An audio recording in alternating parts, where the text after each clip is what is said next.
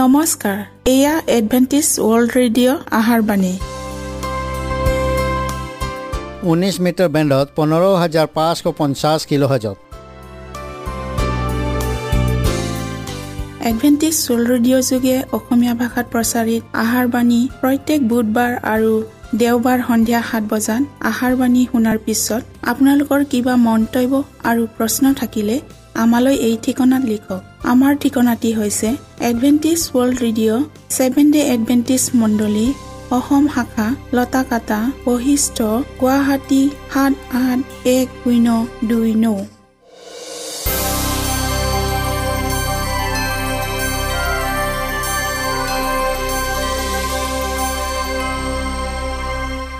প্ৰিয় শ্ৰোতা বন্ধুসকল এতিয়া শুনো আহক এটি খ্ৰীষ্টীয় ধৰ্মীয় গীত।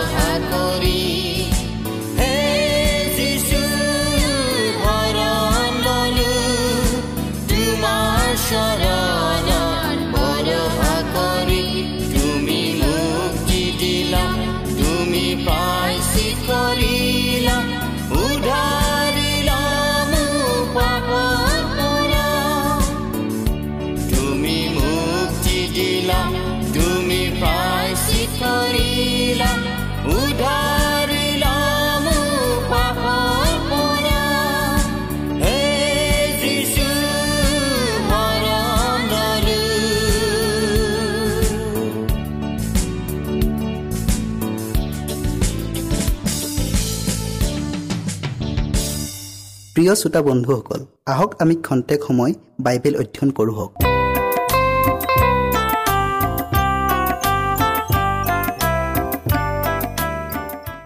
ঈশ্বৰৰ পবিত্ৰ বাক্যই কৈছে যি যি কাৰ্য তোমাৰ হাতত পৰে তাক যত্নেৰে কৰিবা।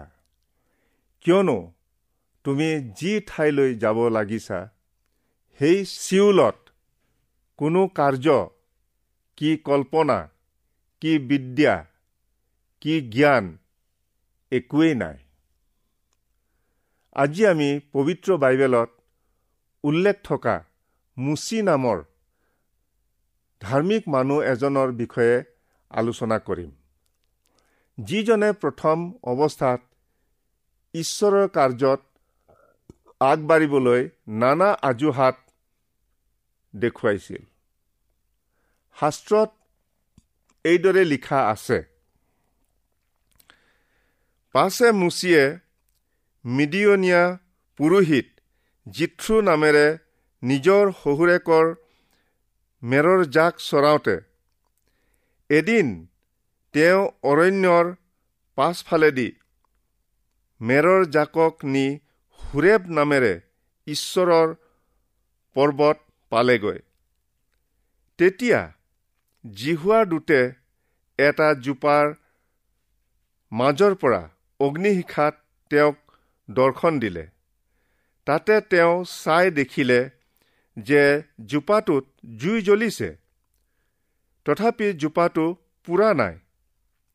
তাতে মুচিয়ে ক'লে জোপাটোনো কিয় পুৰা নাই?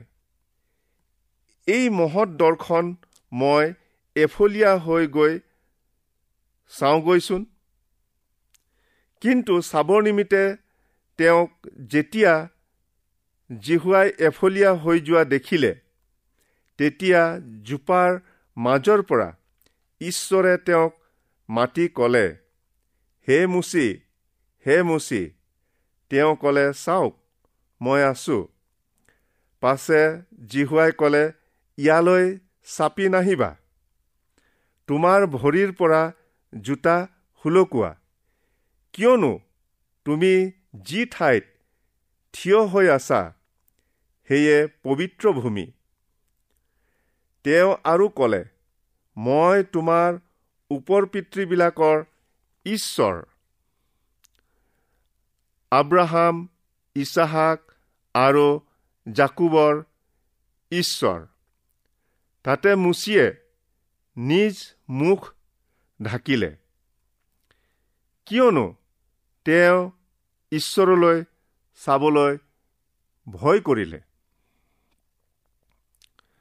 পাছে জিহুৱাই ক'লে মিছৰত থকা মোৰ প্ৰজাবিলাকৰ দুখ মই নিশ্চয়ে দৃষ্টি কৰিছোঁ।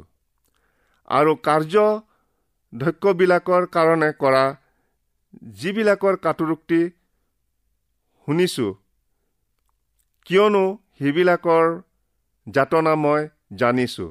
এতেকে মই সেইবিলাকক মিছৰীয়াবিলাকৰ হাতৰ পৰা উদ্ধাৰ কৰিবলৈ আৰু সেই দেশৰ পৰা উলিয়াই গাখীৰ মৌজোল বৈ থকা এখন উত্তম আৰু বহল দেশলৈ কণানীয় সিতিয়া ইমুৰীয়া পৰজীয়া হিব্বিয়া জিবুচিয়া এইবিলাকৰ ঠাইলৈ নিবলৈ মই নামি আহিলোঁ।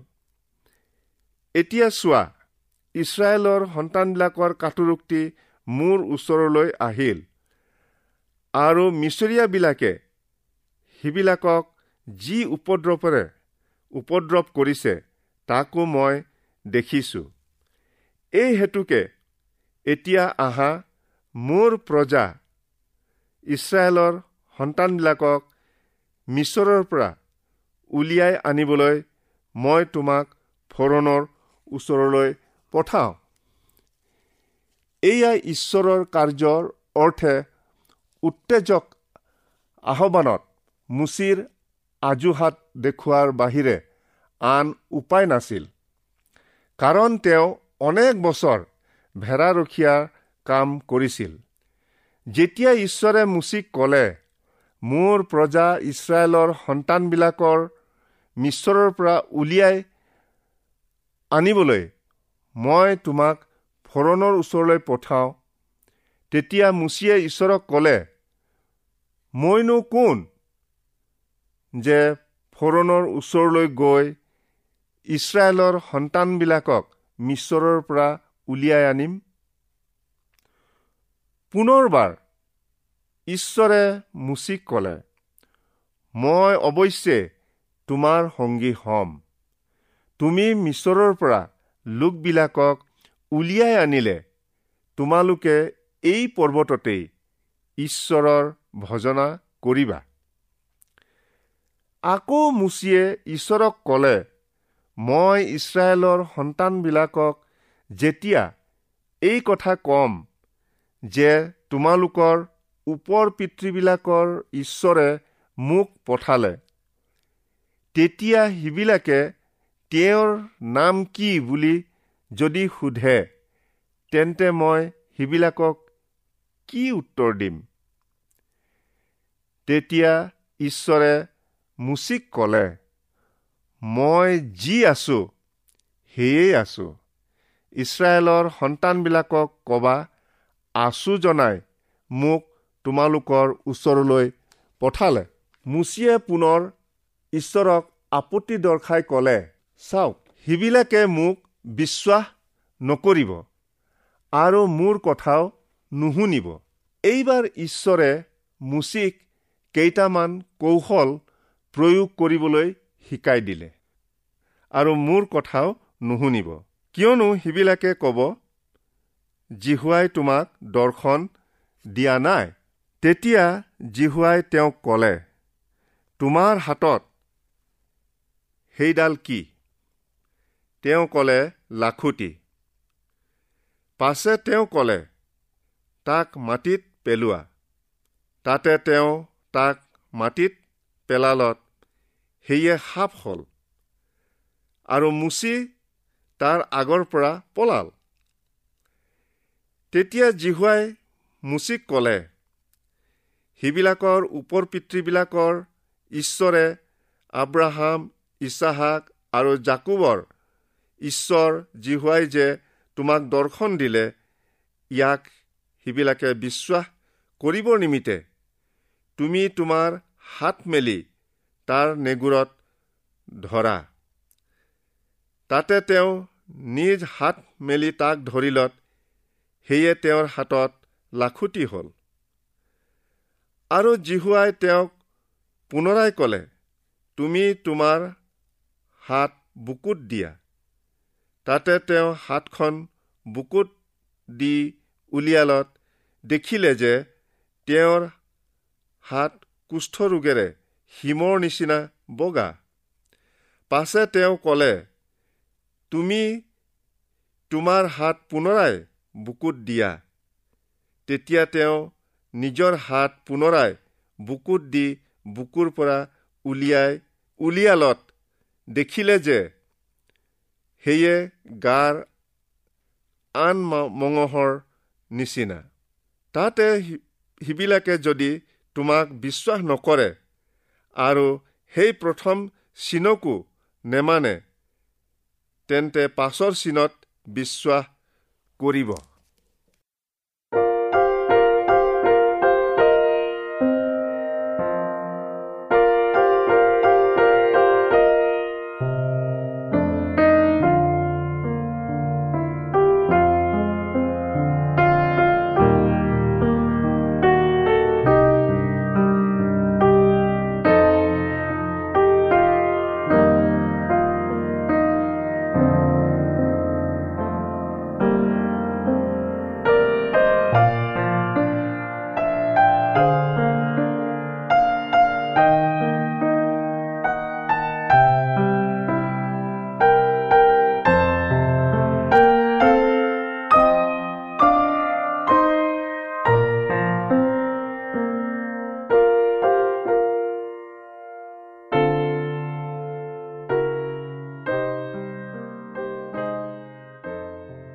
ঈশ্বৰে মুচিক ইমান আশ্বাস দিয়া স্বত্তেও পুনৰাই অভিযোগৰ সুৰেৰে ক'লে হে মোৰ প্ৰভু মিনতি কৰিছোঁ মই বাকপটু নহওঁ। কিয়নো মোৰ মুখ আৰু জীৱাও গধুৰ। তেতিয়া ঈশ্বৰে মুচিক ক'লে মানুহৰ মুখ কোনে নিৰ্মাণ কৰিলে? বোবা বা কলা নাইবা চকু থকা বা অন্ধ কোনে কৰে? মই জিহুৱাই জানো তাক নকৰোঁ। এতেকে এতিয়া তুমি যোৱা। মই তোমাৰ মুখৰ সহায় হৈ তুমি ক'বলগীয়া কথা তোমাক শিকাম। মুচিয়ে এইবাৰ বিস্ময়সূচকভাৱে আজুহাত দেখুৱাই শেষ বাৰলৈ ক'লে হে মোৰ প্ৰভু মই বিনয় কৰোঁ যাৰ হতুৱাই পঠাবৰ ইচ্ছা তাৰ হতুৱাই পঠাওক। ঈশ্বৰ স্বয়ং মুচিৰ লগত থাকি সহায় কৰিম বুলি কোৱা স্বত্তেও তেওঁৰ আদেশ নমনাত মুচিলৈ জিহুৱাৰ ক্ৰোধ প্ৰজ্বলিত হ'ল। মুচিৰ শহুৰেক মিডিয়নীয়া পুৰোহিত জিথ্ৰুৱে সেই সন্ধিয়া জোঁৱায়েকৰ মুখলৈ চাই গম ধৰিব পাৰিলে যে আজি ভেড়া চৰোৱা সময়ত অৰণ্যত নিশ্চয় কিবা অঘটন ঘটিলে। শহুৰেক আৰু জোঁৱায়েকৰ কথা বতৰাৰ পাছত শহুৰেক জিথ্ৰুৱে জোঁৱায়েক মুচিক তেওঁৰ ল'ৰা তিৰোতা আটাইকে শান্তিৰে বিদায় দিলে। ঈশ্বৰে যিজনৰ দ্বাৰাই তেওঁৰ মহৎ কাৰ্য সিদ্ধ কৰিব খোজে সেইজনক তেওঁ কেতিয়াও ত্যাগ নকৰে। পবিত্ৰ শাস্ত্ৰত ইয়াৰ অনেক উদাহৰণ আছে। আজি এই মিছৰ সদৃশ সংসাৰত অনেক মূল্যৱান আত্মা ছয়তানৰ বন্ধনত আছে। সেইবিলাকক পাপ বন্ধনৰ পৰা উদ্ধাৰ কৰিবলৈ ঈশ্বৰে আপোনাক আৰু মোক আমন্ত্ৰণ কৰিছে। আপুনি যীশুৱাৰ দৰে ক'বনে পাছে মই প্ৰভুৰ মাত শুনিবলৈ পালোঁ। তেওঁ ক'লে মই কাক পঠাম আৰু আমাৰ পক্ষে কোন যাব? তাতে মই ক'লো চাওক মই আছো মোকে পঠাওক। ঈশ্বৰে মুচিক কোৱাৰ দৰে আমাৰ প্ৰত্যেকজনলৈ কৈছে তুমি মোৰ দাহ মই তোমাক মনোনীত কৰিলোঁ। তোমাক ত্যাগ কৰা নাই বুলি ক'লো। তুমি ভয় নকৰিবা। কিয়নো মই তোমাৰ লগত আছো। ব্যাকুল নহবা। কিয়নো মই তোমাৰেই ঈশ্বৰ। মই তোমাক শক্তি দিম। তোমাক সহায়ো দিম। এনেকি মোৰ ধাৰ্মিকতা স্বৰূপ সোঁ হাতেৰে তোমাক ধৰি ৰাখিম। ঈশ্বৰে যীশুৱে ভাওবাদীৰ দ্বাৰাই আমাক উৎসাহিত কৰি কৈছে যিজনে সুবাৰ্তা আনে যিজনে শান্তি প্ৰচাৰ কৰে যিজনে মংগলৰ বাৰ্তা আনে যিজনে পৰিত্ৰাণ প্ৰচাৰ কৰে যিজনে তোমাৰ ঈশ্বৰে ৰাজত্ব কৰিছে বুলি চিউনক কয় পৰ্বতৰ ওপৰত সেইজনৰ চৰণ কেনে সুন্দৰ দেখা যায়। বাইবেলৰ যুগৰ আটাইতকৈ প্ৰধান ধৰ্ম প্ৰচাৰক পৌলৰ জীৱনটোলৈ চাওঁ হওক। তেওঁ প্ৰথম অৱস্থাত খ্ৰীষ্ট বিশ্বাসীসকলক প্ৰতি দুৰ্ঘুৰ তাৰণাকাৰী আছিল। তেওঁৰ তাৰণাৰ প্ৰকোপত তিষ্ঠিব নোৱাৰি বিশ্বাসীবিলাক ছিন্ন ভিন্ন হৈ পলাই আশ্ৰয় লৈছিল। পলাই গৈ আশ্ৰয় লোৱা ঠাইবোৰতো বিশেষকৈ ডমেশ্বক নামৰ নগৰত তাৰণা কৰিবলৈ যাওঁতে যীশুখ্ৰীষ্টক আদবাটতে হঠাৎ সূৰ্যতকৈও উজ্জ্বল পোহৰৰ মাজেদি লগ পাই তেওঁৰ জীৱনত মহা পৰিৱৰ্তন ঘটি মৃত্যু পৰ্যন্ত বিশ্বাসী হয় প্ৰভুৰ পৰিচৰ্যা কৰিলে। আমি পাপ অন্ধকাৰত থকা লোকবিলাকক পোহৰ বিলাও হওক। কাৰণ যীশুৱে কৈছে তোমালোক জগতৰ পোহৰ।